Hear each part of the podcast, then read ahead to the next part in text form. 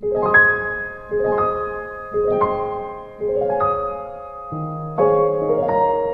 bersyukur kepada Tuhan untuk waktu yang Tuhan berikan dan pada pagi hari ini kita akan renungkan firman Tuhan. Terlebih dahulu mari sama-sama kita berdoa. Tuhan Yesus Kristus kami bersyukur pagi hari ini. Kami merenungkan firman-Mu dan kami sedang membicarakan tentang kejadian-kejadian yang telah Tuhan anugerahkan dan Tuhan lakukan pada waktu Kristus Tuhan kami masuk ke dunia menjadi seorang manusia mengambil rupa berdarah dan berdaging. Firman yang telah menjadi manusia. Engkau telah masuk dan engkau telah mengambil rupa sebagai seorang hamba. Kami merenungkan peristiwa itu, biarlah iman kami dikuatkan, dikokohkan, diteguhkan, diberikan pengertian, terus-menerus bertambah-tambah dalam iman dan mengasihi Tuhan dengarlah sembahyang kami. Dalam nama Yesus Kristus Tuhan Juru Selamat kami yang hidup, kami berdoa. Haleluya. Amin. Umat-umat yang dikasih Tuhan, selamat pagi bagi kita semuanya. Bersyukur untuk anugerah yang Tuhan berikan. Mari kita membaca firman Allah dari Injil Matius. Matius pasal yang pertama ayat yang ke-18. Dan kita akan mulai nanti merenungkan pada bagian pertengahan dari paragraf ini. Ayat yang ke-21. Kelahiran Yesus Kristus adalah seperti berikut. Pada waktu Maria ibunya bertunangan dengan Yusuf, ternyata ia mengandung dari Roh Kudus sebelum mereka hidup sebagai suami istri. Karena Yusuf suaminya seorang yang tulus hati dan tidak mau mencemarkan nama istrinya di muka umum, ia bermaksud menceraikannya dengan diam-diam. Tetapi ketika ia mempertimbangkan maksud itu, malaikat Tuhan nampak kepadanya dalam mimpi dan berkata, "Yusuf, anak Daud, janganlah engkau takut mengambil Maria sebagai istrimu, sebab anak yang di dalam kandungannya adalah dari Roh Kudus. Ia akan melahirkan anak laki-laki, dan engkau akan menamakan dia Yesus, karena dialah yang akan menyelamatkan umatnya dari dosa mereka. Saya ulang kembali ayat 21. Ia akan melahirkan anak laki-laki, dan engkau akan menamakan dia Yesus, karena dialah yang akan menyelamatkan umatnya dari dosa mereka. Puji Tuhan. Umat-umat yang dikasih Allah, mari kita perhatikan pekerjaan dan pelayanan yang akan dikerjakan Tuhan Yesus. Apa yang akan dikerjakan Tuhan Yesus? Istilah apa yang disematkan, yang dikenakan kepada Yesus? Dalam Matius 1:21, ia akan melahirkan anak laki-laki dan engkau akan menamakan dia Yesus karena dialah yang akan menyelamatkan umatnya dari dosa mereka. Dari namanya telah nampak pekerjaannya, menyelamatkan umatnya dari dosa. Yesus atau Yesua atau Yosua artinya adalah penyelamat atau Sang Penyelamat, Juru Selamat. Jadi namanya adalah Yesus. Dialah yang akan menyelamatkan umatnya dari dosa mereka. Kehadiran Yesus adalah untuk melakukan pekerjaan keselamatan.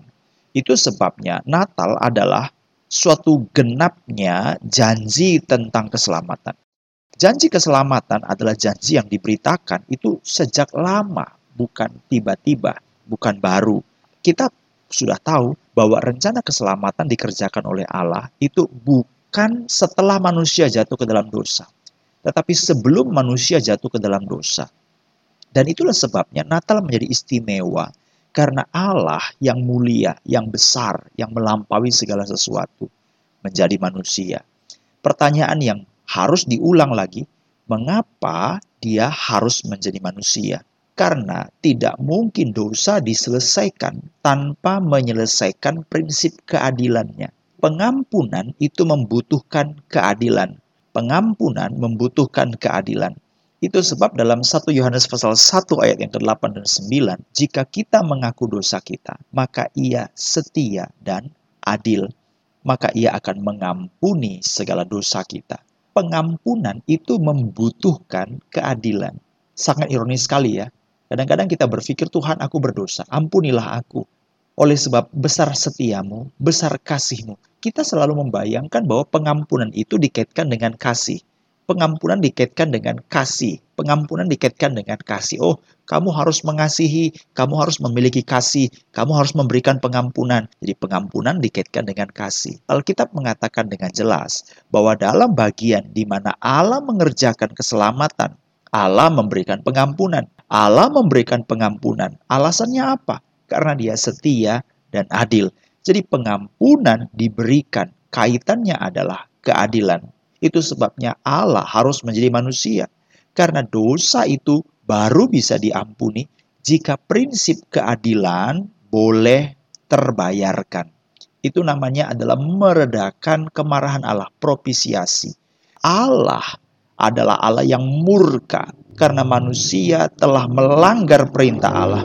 Pelanggaran kepada perintah Allah adalah pemberontakan kepada Allah itu sendiri. Pelanggaran kepada perintah Allah adalah menjadikan manusia itu sebagai musuh Allah. Oleh sebab itu permusuhan tidak bisa diselesaikan kalau tidak ada penyelesaian keadilan. Keadilan itu harus dikerjakan, harus diredakan, harus dibayarkan.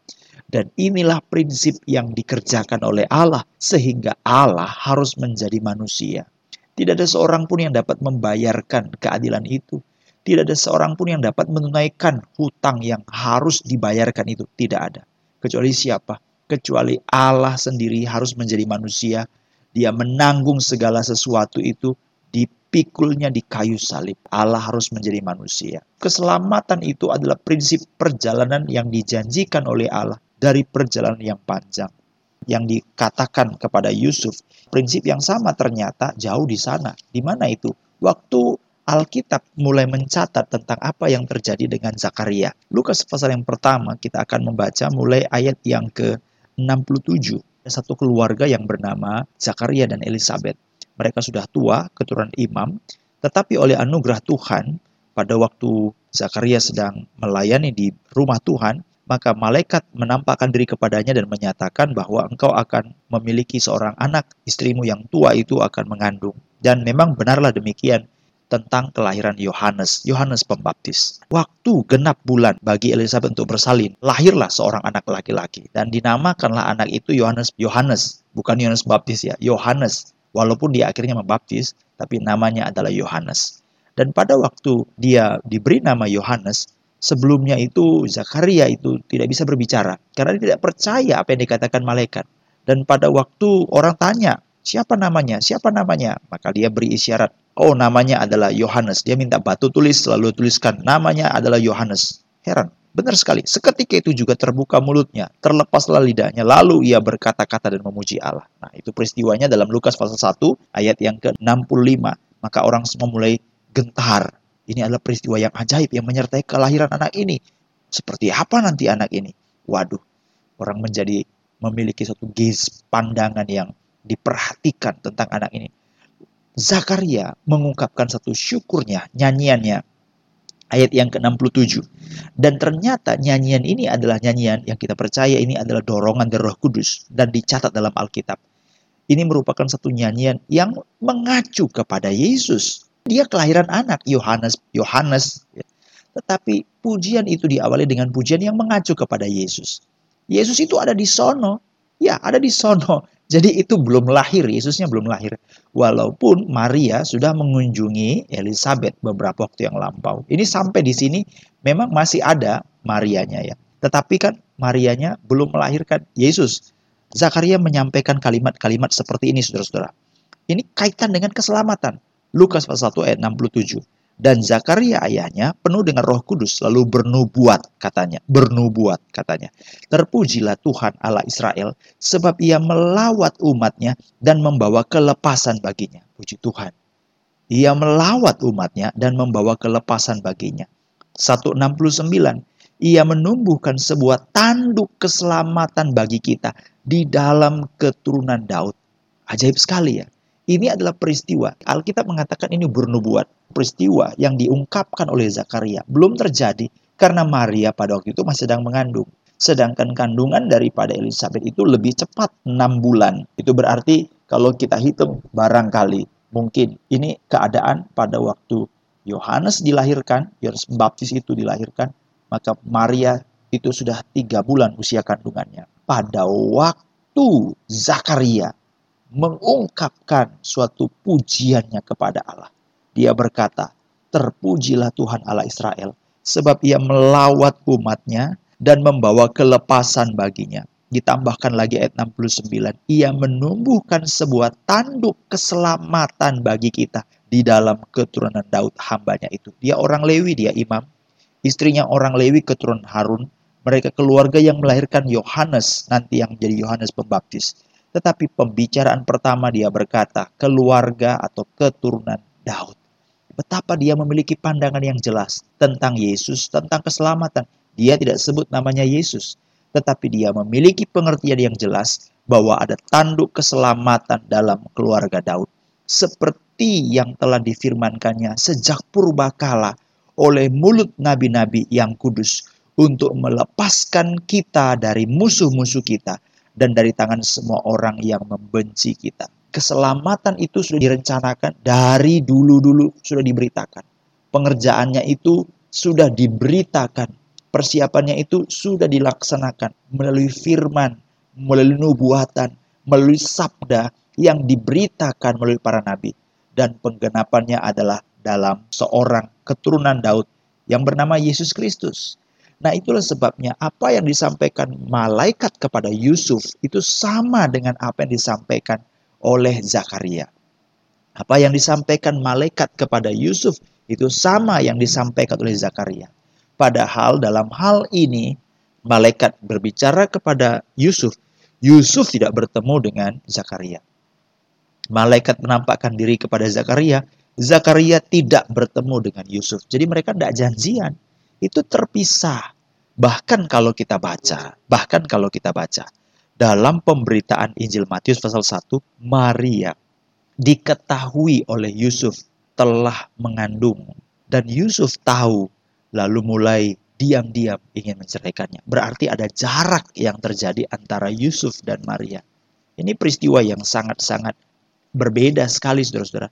Tetapi Alkitab mengatakan perbedaannya dalam Matius pasal 1, nama Yesus diberitahukan kepada Yusuf, tetapi nama Yesus tidak diberitahukan kepada Zakaria. Namun Zakaria walaupun tidak mengerti nama itu, dia mengatakan kalimat yang sangat jelas. Terpujilah Tuhan ia melawat umatnya dengan membawa kelepasan, menumbuhkan tanduk keselamatan bagi dia dalam keturunan Yakub, seperti yang difirmankan sejak purbakala oleh mulut nabi-nabi, melepaskan kita dari musuh. Ayat 72 menunjukkan rahmatnya kepada nenek moyang kita dan mengingat yang perjanjian kudus ayat 73 yaitu sumpah yang diucapkannya kepada Abraham bapa leluhur kita bahwa ia mengaruniai kita supaya kita terlepas dari tangan musuh dan beribadah kepadanya tanpa takut. Jadi berita yang sudah diberitakan bahkan dari zaman Abraham bapa leluhur kita. Mereka tidak bisa melihat. Kalau kita baca Ibrani pasal 11, Abraham sampai mati dia tidak melihat janji itu. Tetapi siapa yang bisa mengerti janji itu? dia orang-orang yang melihat diberikan penggenapan, pengertian tentang penggenapan itu. Zakaria salah satunya. Dalam bagian ini mengatakan, apa yang diberitakan kepada Abraham, diberitakan kepada kita. Apa yang dijanjikan kepada Abraham, digenapkan pada masa kita. Diberi janji kepada Abraham menjadi realisasi nyata bagi kita sekarang. Yesus yang akan menyelamatkan umatnya. Bukan kita bersyukur bahwa prinsip Alkitab adalah prinsip yang tidak pernah berubah, konsisten, tetap sama. Bahwa Tuhan tidak pernah menyatakan sesuatu jika tidak ada konfirmasi dari orang lain. Jadi ayat 70 dikatakan, Yohanes Pembaptis akan mempersiapkan jalan bagi Tuhan, tetapi ayat 77 dikatakan seperti ini, untuk memberikan kepada umatnya pengertian akan keselamatan. Jadi Yesus adalah yang menyelamatkan. Tetapi saudara-saudara, supaya orang boleh menerima keselamatan, orang itu harus memiliki pengertian. Ya kan? Banyak orang tahu ini bandara Kuala Namu, tapi dia harus tahu bagaimana pergi ke sana. Bandara itu untuk apa? Kenapa saya harus pergi ke sana? Harus ada pengertian. Jadi Allah memberikan keselamatan. Setiap orang harus dituntun untuk memiliki pengertian akan keselamatan. Alkitab mengatakan pengertian keselamatan itu apa? Apakah itu pengertian definisi? Apakah itu pengertian istilah? Apakah itu pengertian berarti ilmu? Harus ada ilmu yang aku tahu baru aku diselamatkan. Apa itu artinya? Nah, Alkitab mengatakan ini Zakaria memberikan definisi yang sangat indah sekali. Apa itu pengertian keselamatan? Apa itu aku harus sekolah dulu, sekolah keselamatan baru aku ngerti apa arti keselamatan? Apa aku harus belajar dulu, tulis buku dulu baru aku ngerti keselamatan? Tidak. Alkitab mengatakan pengertian keselamatan itu adalah keselamatan yang berdasarkan pengampunan dosa-dosa mereka. Bagaimana dosanya diampuni? Ditambah lagi ayat 78. Oleh rahmat dan belas kasihan dari Allah kita. Ayat 79. Menyinari mereka yang diam dalam kegelapan dan dalam naungan maut untuk mengarahkan kaki kepada jalan damai sejahtera saya ingin membicarakan dua arus saja yang terjadi. Kalau orang Israel, keturunan Daud membicarakan tentang keselamatan dan Mesias, mereka memikirkan ini adalah kerajaan fisik. Mereka memikirkan adalah kekuatan politik. Mereka memikirkan ini adalah munculnya istana, adanya raja, lalu ada pasukan perang, lalu ada peperangan dan kita menang. Begitu loh. Ya kan? Saya ulang ya. Ada istana, ada rajanya, ada pasukannya, ada tentaranya, ada militernya, lalu kita berperang, lalu menang. Itu namanya kekuatan militer dan politik. Fisik dia. Tetapi Alkitab mengatakan keselamatan Yesus itu adalah keselamatan berdasarkan pengampunan dosa. Bagaimana dosa saya diampuni? Ayat 78. Ada rahmat dan belas kasihan Allah. Ciri-cirinya bagaimana? Disinari dalam kegelapan. Dinaungi dari bahaya maut diarahkan kaki pada jalan damai sejahtera. Itulah artinya waktu kita merayakan Natal. Jadi waktu saya menerima kehadiran Kristus, itu berarti saya dihadapkan tentang pengampunan dosa. Bagaimana saya bisa menerima pengampunan dosa? Kita memerlukan rahmat dan belas kasihan Tuhan bukan dengan penyesalan yang bertubi-tubi, bukan dengan menyakiti tubuh, bukan dengan bertarak dan berpuasa, bukan dengan membayarkan sejumlah uang untuk mendapatkan kebajikan dan mendapatkan lisensi dan tanda tangan. Bukan, bukan seperti itu. Tetapi dengan cara bagaimana? Menerima rahmat dan belas kasihan Allah. Apa cirinya? Jika saya mengatakan Tuhan aku butuh rahmatmu, ampunilah dosaku. Apa cirinya? Alkitab berkata, ada sinar dalam kegelapan kegelapan hidup kita, kegelapan sisi karakter kita, perilaku yang gelap sudah disinari. Apakah pengalaman ini saudara alami? Marilah kita berdoa supaya pengalaman-pengalaman ini menjadi bagian hidup kita. Tuhan kami berdoa minta pertolongan daripada Allah. Keselamatan daripada adalah keselamatan yang indah. Keselamatan kerajaan yang Tuhan berikan, keselamatan yang dikerjakan oleh Mesias Sang Juru Selamat, bukanlah keselamatan fisik, bukanlah kemenangan peperangan secara jasmani, tetapi pengampunan dosa oleh rahmat dan belas kasihan Allah. Engkau melawat kami, Engkau menyinari kami yang diam dalam kegelapan, ada banyak kegelapan atas pikiran kami, gelap dalam hal mengambil keputusan, gelap dalam hal mengambil segala kebijakan, perjalanan hidup yang kadang-kadang kami atur menurut keinginan dan diri kami sendiri, tetapi Engkau menyinari kami. Oleh sebab itu kami bersyukur kepadamu, karena kami tidak lagi bertindak berdasarkan pikiran kami sendiri. Tuhan, kami bersyukur kepada Allah, karena kami diberikan kepastian-kepastian, dinaungi dari maut dan kematian, dinaungi dari bayang-bayang binasa dan masuk dalam penghukuman, tapi hidup kami diarahkan pada jalan damai sejahtera.